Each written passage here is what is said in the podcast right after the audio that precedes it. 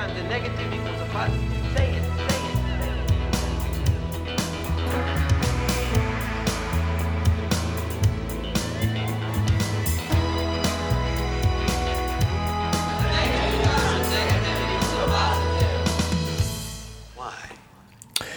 Hej och välkomna till avsnitt 22 blir det nu. Ja, Är det inte 21? ja det kanske är avsnitt 21, står nog rätt. Eh, idag ska vi prata om eh, lite betyg och bedömning. Eller hur Cissi? God morgon, god förmiddag. Vi sitter här en söndag, sportlovet. Ja, Det är precis. snart slut. Det är snart slut och det snöar ute. Mm. Fantastiskt. Eh, ja, men det är dagens eh, ämne. Mm. Ganska svåra ämne. Nej. Eller ja. Eller? Mm. Eh, jag tycker det är ganska svårt i alla fall. Ska vi ta lite vad vi grundar det här avsnittet på då, Cissi? Mm. Vi har läst lite artiklar och vi har läst eh, även de nya allmänna råden om betyg och bedömning som kom på höstterminen här 2018. Och vad är det man ska lägga märke till i de nya allmänna råden? Ja, och sen ska vi lägga till att vi har kollat på den här kursen som finns på Skolverkets hemsida. Eh, Som heter betyg och betyg och bedömning. En, eh, ja, en webbkurs som de Mm. erbjuder. som vem som helst kan gå, eller hur? Ja, vem som helst kan gå. Man loggar in och så gör man uppgifter, läser artiklar. Ja, du skapar ett konto. Eh, utbildningar.skolverket.se Så skapar du ett konto, loggar in och så väljer du vilken. Den här kursen beräknar Skolverket ta ungefär 15 timmar. Mm. Och så får du ett snyggt diplom när du läst den. Kan du visa för din rektor och säga Bra. att... ja. Eh, ja, exakt. Så det är väl det vi grundar, oss, eller grundar det här på. Och sen tänkte vi väl slänga in lite av våra reflektioner och tankar. Mm. Bra. Yes. Ja, jag tänkte att jag sammanfattar lite av det som är viktigast med de nya allmänna råden om betyg och bedömning då som gäller för alla skolformer.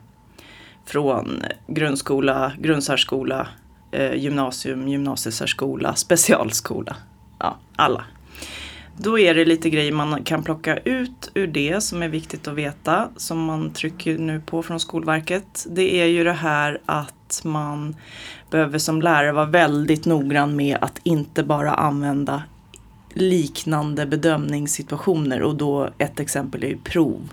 Att man måste lära eleverna att även andra situationer i skolan bedöms. Och det kan ju handla om de här informella som kan vara att man hör hur elever samtalar på eh, lektionstid. Eller om det är grupparbete eller presentationer, att allt sånt bedöms så att man inte bara sitter och bedömer eh, provtillfällen. Och det är ju också för att det ska bli en allsidig bedömning och inte ensidig. Det är en sak som de tar upp, det visste vi ju säkert redan innan, men de betonar det mycket nu. Sen pratar de även att det här med betyg på enskilda prov och uppgifter. Då nämner de i det här då att det kan bli att betygsbeteckningar på enskilda prov och uppgifter är mindre ändamålsenliga för lärarens allsidiga bedömning. Och vad betyder det då? Jo, att man har märkt att elever kan bli så påverkade av att alltid sträva efter att få ett betyg, en liten bokstav på alla prov så att man glömmer bort att, ja, vad man ens ska lära sig. Och att det kan vara negativ inverkan om man alltid sätter en bokstav på alla prov. Eh, och varför blir det det? Jo, för att i slutändan av en kurs eller på en termin så är det ju det som man har samlat ihop under hela terminen som ska ge ett betyg och det gäller ju inte bara det som var i början.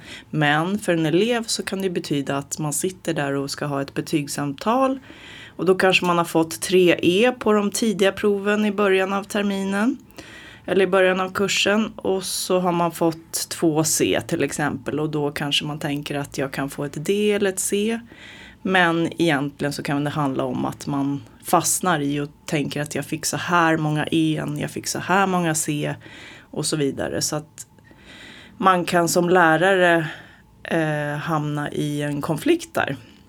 Och elever kan tänka att allt räknas från början bara för att du har ju fått olika betyg på alla prov. Men vad läraren ska bedöma är ju det som är slutet av en kurs, slutet av en termin. Så att det ska väga högre de eh, bedömningarna som görs senare på terminen och senare i kursen. Är, det, Ja, är precis. jag ute på rätt spår då? Ja, nej men så tolkar jag det också. Eh, precis. Och sen så vet ju både du och jag att eh, eleverna vill ju gärna ha det där bokstaven på Ja, varje prov precis. eller bedömningsuppgift. Och hur ska man eh, komma ifrån det då? För så är det ju. Att man eh, som lärare kan man ju fastna i det här att man redan under tiden man har undervisning säger det här kommer komma på provet och det här behöver du kunna för att få ett E, det här behöver du kunna för att få ett C och så vidare. Hur ska man kringgå det? Ja men exakt och där, jag själv undervisar ju matte och vi har ju inte, vi sätter inte eh, en betygsbokstav på varje prov eller bedömningstillfälle. Men det finns inte en enda gång som en elev inte frågar. Eh, ah, men vad, vad, vad fick jag för betyg på det här? Ah, nej men vi sätter inte betyg så här. Och där tycker jag, det, alltså på något sätt så är det ju där måste vi hitta en väg att vi måste ju konkretisera och det säger ju även de här texterna som vi har läst att vi måste ju ha eh, vi måste ju bryta ner det här svåra eller komplexa betygssystemet som vi sitter i. Så att vi konkretiserar det för eleven. Så att de kan, eh, ja men så att det blir tydligt för dem. Ja. Och där tänker jag, där är väl den här bokstaven på något sätt, ah, ja men du fick ett C. Alltså det blir, det blir på något sätt eh, skönt. Ja. Eller vad de frågar efter. Men det man säger också är att det är inte det vi ska fokusera på utan det vi ska fokusera på är ju processen och inte själva resultatet. Och- Det är väldigt svårt. Ja, det är jättesvårt. Och varför ska vi göra det? Jo, det är för att då blir eh, kunskapsutvecklingen bättre. Ja, så det är inte så att ah, men vi ska fokusera på pro- processen för att vi inte är resultatinriktade utan egentligen så är det ju faktiskt resultatet vi vill ha. Men vi vill ha det via eh, fokus på processen. Precis, men det här han, det är ju också åter tillbaka till det som, är, som man alltid har pratat om nu på senare tid, summativ och formativ bedömning. Ja. Summativ bedömning använder man ju ändå som lärare, man gör ju det. Men Eh, det är ju också att man ska tänka att inte allt ska inte vara summativt. Utan du ska även kunna bedöma som sagt all, alla andra typer av undervisningssituationer eller när det pratas på lektioner. Och det är ju sånt man vill åt nu, att det inte bara är summativ bedömning. För det kan ju även vara att man sitter med en summativ bedömning som man återkopplar formativt. Det kan ju vara det kan ju funka. Ja, men ska vi, prata, ska vi bara ta lite snabbt vad summativ bedömning är och vad formativ bedömning är? Det känns som att vi eh, Ja. bara måste ta det innan vi pratar sådär. Ja, men eh, vi, bör, vi, vi säger vad, men okej, men summativt, okej. Det summativa, det är ju, eh, alltså det är stämpeln, det är det som visar vad, eh, var eleven befinner sig kunskapsmässigt just då. Så, så det är själva betyget. ja, kopplat till ett betyg är det ju. Ja. Och det formativa är ju hela tiden, det är det, det är det alla lärare gör hela tiden. Att man, man ger stöd och tips, man kommer med kommentarer och det här kan vara både muntligt eller skriftligt eller alltså så. Eh, man, man kanske ger strukturer hur man vill att en uppsats ska se ut. Man får ett, vad heter det, utskick och man ger kommentarer och man skickar tillbaka, alltså, exempelvis. Eh, och så. Så det är det formativa, när man hela tiden försöker att fokusera på Vart är vi och vart ska vi? Ja, exakt. Utvecklingen. Eller hur? Processen. Ja. Nästa del i allmänna råden handlar om matriser och det man pratar om då det är att man nu har märkt att matriser kan verkligen påverka elevers lärande och ja, även hälsa då negativt. Och på vilket sätt då? Jo, för det blir lite att läraren har redan då ja, målat in sig i ett hörn om man ska säga att man redan är Eh, fast i en del som, eller ett del av en kunskapskrav som en elev måste lära sig så att det blir ingen flexibilitet och man anpassar inte undervisningen efter elevernas behov och förutsättningar. Och då är det, då säger man det att man ska försöka gå ifrån matriser numera. Och det är klart att man kan ha några sorters matriser men sådana här detaljerade det kan leda till att begränsat underlag ges samma vikt som mer omfattande underlag. Eh, ja, det tycker jag var väldigt intressant för när eh, LGR och GU11 kom så var det ju väldigt stort fokus på matriser just. Mm. Och man utvecklade matriser i, ja, smått och stort hela tiden. Och, och jag kan tänka mig att man själv låser sig i det som lärare. Jag vet inte vad du tänker. Jo, nej men jag håller med. Det var väldigt, alltså fokuset var ju väldigt mycket matriser då. Mm. Använder du matriser? Vi använder matriser. Mm. Ja. Är det sådana som är färdiga i ert bedömningsprogram eller gör Nej, ni egna? Vi mattelärare använder, har väl, vi har inte de som är färdiga. Nej. Utan vi har väl egna kanske man kan kalla det. Ja. För jag tänker många bedömnings, ja, program om man säger har ju också som i matrisform. De kan man inte riktigt styra. Man kan göra egna matriser där men det finns ju de som är då utifrån kunskapskraven och centrala innehåll. De är nästan lättare att hålla sig till än att lärare sitter och skapar egna för då, beror, då blir det ju inte heller jämlikt. För att flera lärare på samma skola kan ha gjort olika matriser fast man har samma kurs. Absolut. Mm, vad tycker vi om det? Jo, nej men eh, alltså så här.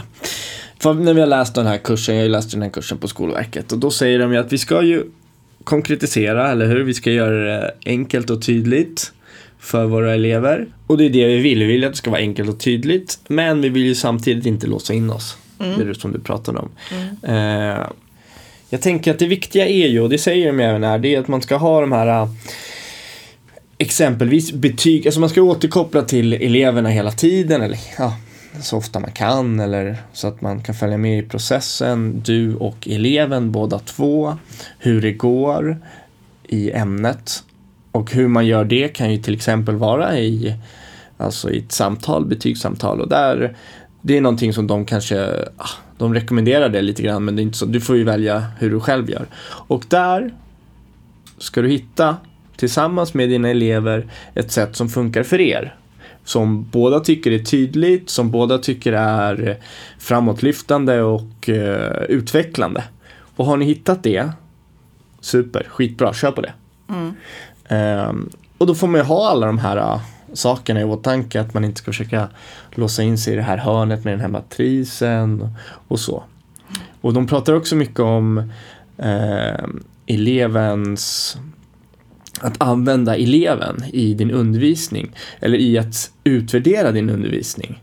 Man ska hela tiden eh, låta eleverna komma med deras feedback, hur din undervisning, hur din bedömning, eh, hur din återkoppling, eh, hur de tycker att det fungerar och anpassa undervisningen efter det. Så eleverna blir ju ett verktyg i det här. Absolut. Eh, Så jag jag tänker också när en elev säger ja men vad fick jag? Fick jag det här betyget? Eh, vi sätter inte betyg på enskilda uppgifter till exempel men det är ändå en varnings eller en, kanske en signal att vi har inte varit tillräckligt tydliga på vad som, okej men det vi ska fokusera på här är hur du eh, disponerar din text till exempel. Att det visar ju ändå någonting att ah, men vi har inte kommit ända fram med de här eleverna. Ifall de hela tiden frågar efter betyg på det här provet, betyg på den här uppgiften. Mm. För det är ju så enligt de råden från Skolverken att det är först vid tiden för betygssättningen som all information finns om elevens kunskaper. Och det är då man ska kunna sätta betyget. Och det betyder ju att det är ju lite tokigt att ha då massor med information Information kan man ha, dokumentation, men inte massor med provresultat från i början av kursen. För det blir att man eh, luras och man kan även nästan lura eleverna. För det går inte i, det går inte i förväg bestämma eh, vad en elev kommer få i slutet av kursen eller terminen. Det vet man inte i början. Ja, nästa del då i allmänna råden eh, som de lägger särskilt stor vikt vid det är det här med samsyn och sambedömning.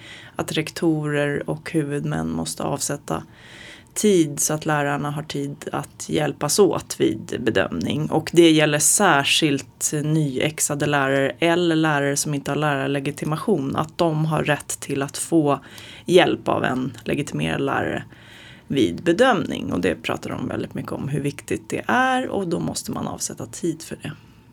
Mm. Mm. För bedömning är ju väldigt svårt. Ja, Alltså, och det tar tid. Och det tar jätte, alltså verkligen, när man var nyexad så var det ju, nej det var jättesvårt. Mm. Så att det behövs ju verkligen. Och det är någonting man, man blir betydligt bättre på det alltså. Ja, absolut. Ja, så Mm. det är ju skönt. Ja, vi går snabbt vidare i de allmänna råden och då kommer vi nu till nationella prov. Och eh, det här är något som vi fastnade på som vi måste diskutera. Då stod det så här. Nationella provresultat kan enligt lag användas för att uppmärksamma att en elev är i behov av extra anpassningar eller särskilt stöd. Och då ska man eh, snabbt sätta in det då efter man har upptäckt det. Men då stoppar vi lite här. Om vi har ett nationellt prov i matematik 22 maj och Ja. upptäcker att en elev inte fixar det. Då är det ju lite sent att sätta in extra anpassning och särskilt stöd. Ja, det är ju väldigt sent för en eh, exempelvis en årskurs 9 som eh, Slutar de 5 skriver, juni. Ja. Ja, exakt. Andra halvan utav maj skriver de nationella prov. det var väldigt intressant. Det känns ju helt fel, tänker jag. För nationella proven är ju också alltid i slutet av en termin. Ja, Ja. precis. Alltså det vet jag inte ens var det kommer ifrån. Jag tycker det känns jättekonstigt. Men ja, i alla fall, men något annat då som de pratar om nu, som är nytt då från 2018. Det är ju att man eh, anser att eh, resultaten på nationella proven ska ge särskild, ges särskild vikt Precis. i bedömningen. Ja. Och där finns det, jag läste en ganska intressant artikel en artikel från eh, Lärarnas Tidning som kom 5 februari nu 2019. Så den är ju väldigt färsk. Eh, där tar de ju upp att Skolverket vill reglera betygen eh, gentemot eh, resultaten på nationella proven. Att de inte ska få skilja så eh, mycket åt, eller ja, så. Ska vi ta bakgrunden där? Det är ju på något sätt att ehm, skolan de senaste decennierna har förändrats. Vi har fått mer och mer krav från alla möjliga håll, alltså från vårdnadshavare, från elever och även från skolledare. Eh, där det har blivit en större konkurrens kanske mellan skolorna. Att ha ett högre, när det, det har ju liksom på något sätt varit eh, status att en skola har ett högt betygssnitt för att du ska kunna gå vidare och söka till nästa steg och så. Och då har det gjort att eh, på grund av de här kraven uppifrån eller kraven från de här olika parterna så har det gjort att lärare har sänkt kraven för de här olika betygen. Sänkt kraven för A, sänkt kraven för E. För att höja de här betygssnitten och för att göra de här parterna nöjda. Mm. Och så får man mer konkurrenskraft i skola och fler söker dit. Men då har man ju nu sett att det skiljer sig mycket, för mycket från nationella provresultaten. Och det vill man komma åt. Precis, det vill man komma åt genom att göra en reglering här då, pratar de om. Eh, och, men samtidigt så säger de ju också i de här eh, texterna att eh, det ska vara särskild vikt, alltså nationella proven, men lärarna har ju allting, vi ska ju ta med allting när vi gör de här bedömningarna. Alltså det är lite motsägelsefullt. Det är lite motsägelsefullt, absolut. Och, och så tar de också upp det här att eh, undervisningen, alltså ifall nationella proven kommer, göra, kommer ha en större vikt i betyget så tror ju jag, och det är det som det har visat vid andra tillfällen i alla andra länder och så, att då kommer ju undervisningen bli mer inriktad på de här uh, testerna eller proverna mot nationella proven då, till exempel. Och det i sin tur leder till att kunskapsutvecklingen eh, går neråt. Det är inte bra för kunskapsutvecklingen. Att ha Nej. sån här eh, undervisning inriktad mot eh, ja, Precis. just vissa prov och ja, men de här frågorna kommer alltid eller Mm. och så. Ja, det där är intressant för det där kommer säkert komma upp i media. Jag tror att det kommer bli stor diskussion om det när det här eh, kraven på eh, betygsskillnaderna, nationella prov och slutbetyg. Det, vi, det kommer vi säkert ta upp, behöva ta upp igen. Ja. Mm. Och vi båda är väl ganska överens om också att det är ju väldigt viktigt med en likvärdig bedömning genom, i hela Ja. Sverige. Ja. Så det, det är ju ett problem. Mm. Eh, Och eh, jag själv har aldrig känt någonting från någon skolledare eller så att jag fått press på att höja betyg eller så. Men jag har ju andra kollegor Mm. Eh, som jag har pluggat med som jag sådär, som verkligen har uttryckt det här. Mm. Och det beror ju på var, vart man jobbar och så. Ja, då eh, den sista delen som vi tar från allmänna råden är om undantagsbestämmelsen. Som man såklart sitter med eh, snart nu när det kommer vara betygssättning i skolan. Och det sammanfattningsvis då, det som man ska tänka på är ju att undantagsbestämmelsen gäller bara vid betygssättning, inte på några andra eh, tidpunkter under en kurs eller eh, en, eh, ja, under en termin. Utan den tillämpar man bara vid betygssättningen. Och man ska ha tre saker då, då som man beaktar. Det är ju om elevens funktionsnedsättning eller personliga förhållande är övergående eller inte. Är de inte övergående, då kan man använda undantagsbestämmelsen. Om de delar av kunskapskraven som ska bortses från är enstaka delar eller inte, och det ska vara enstaka delar. Om funktionsnedsättningen är ett direkt hinder för eleven. Och det, ja, det kan ju vara fysiskt, det kan ju vara att man har en neuropsykiatrisk funktionsnedsättning eller om man har en hörselnedsättning eller synskada till exempel.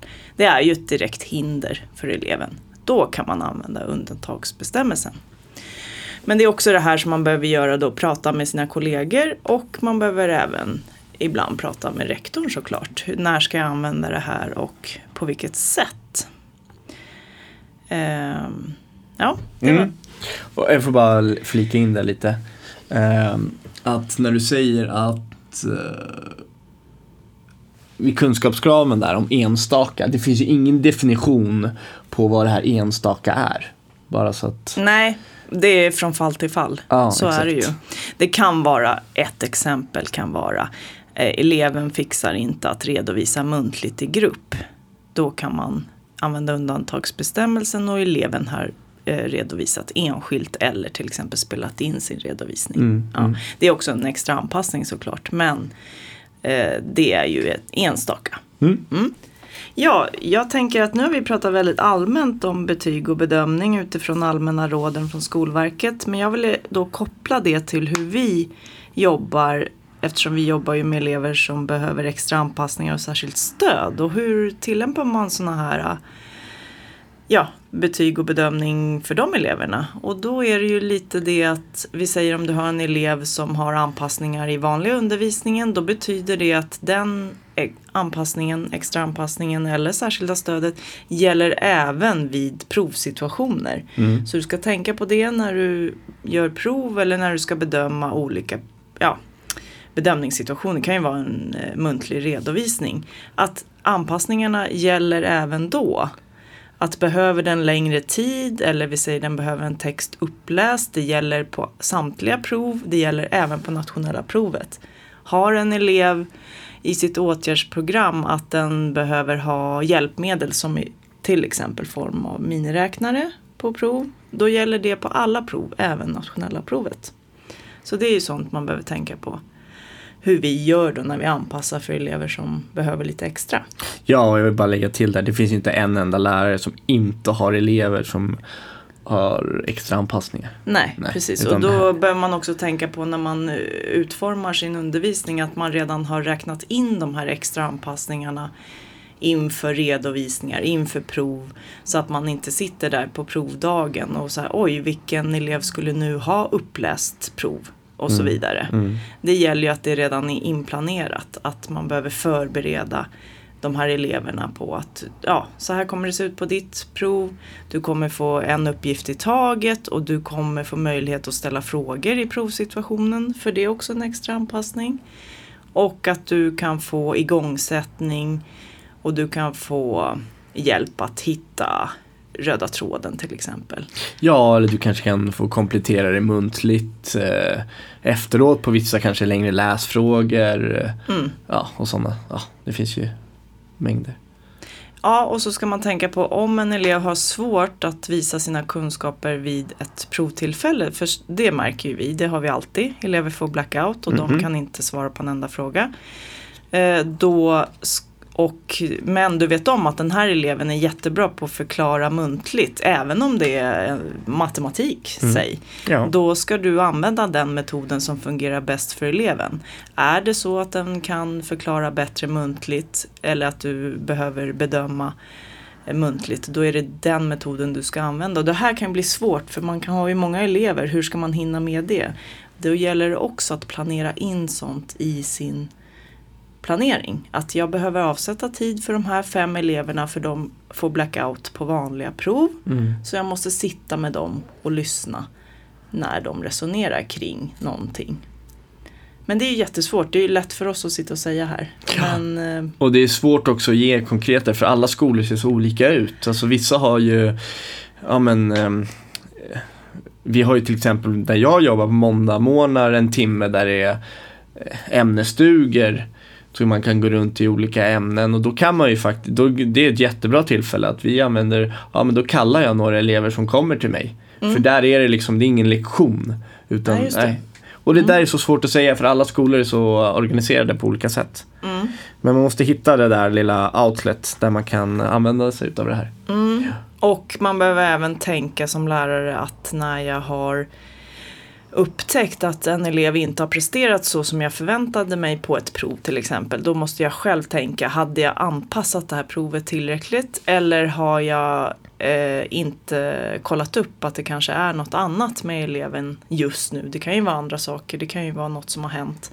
Att man själv är ju ansvarig för att kolla vad var det som gjorde att den här eleven inte eh, presterade så som man tänkte. Ja, nej men det tycker jag är jätteviktigt att ta upp också att eh, vi lärare, vi har ett ansvar att lära ut men vi har också ett ansvar att eleven lär sig. Mm. Mitt ansvar är inte bara att lära ut utan mitt ansvar är lika mycket om inte mer kanske. Nej, men, eh, att eleven lär sig. Ja. Ja, och där blir ju betygen eller alla de här provtillfällena eller bedömningstillfällena eller och så. Det blir ju en återkoppling både till eleven men också till mig som lärare. Hur min undervisning fungerar, vilka förändringar som måste göras.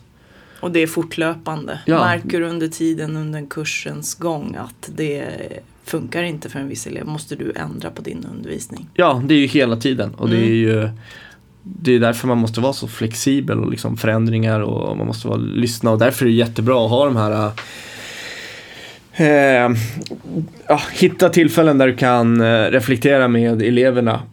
Och där kan man ju hitta det både muntligt eller man kan skapa någon Google Docs eller vad heter Forms. Och, ja. I det här avsnittet, vi har inte pratat så mycket om stress och så. Och betyg eh, och bedömning och så är ju otroligt eh, stress, stressframkallande. På, alltså absolut hos eleverna. Och jag tycker att man kan koppla det till det du sa att eh, här kan man också involvera eleverna. Hur vill de själva? Vill de hela tiden att man ska prata om vad behövs för provet och vad ska vi göra för att få det här eh, betyget? De tänker inte på det för det är, en, det är så man pratar i skolan men det, vi vet ju att det ger stress och det är ju vi som styr, det är vi som håller i undervisningen så vi måste ju också kunna säga jag som lärare vet att det stressar er om vi bara pratar betyg hela tiden. Hur vill vi göra istället? Mm. Ja, skola är så otroligt mycket mer än bara betyg. Eh, men vi, vi kommer nog inte kunna grotta ner så mycket mer i det. Nej, för nu måste vi avsluta. Ja. Eh, så vi tackar för idag. tack.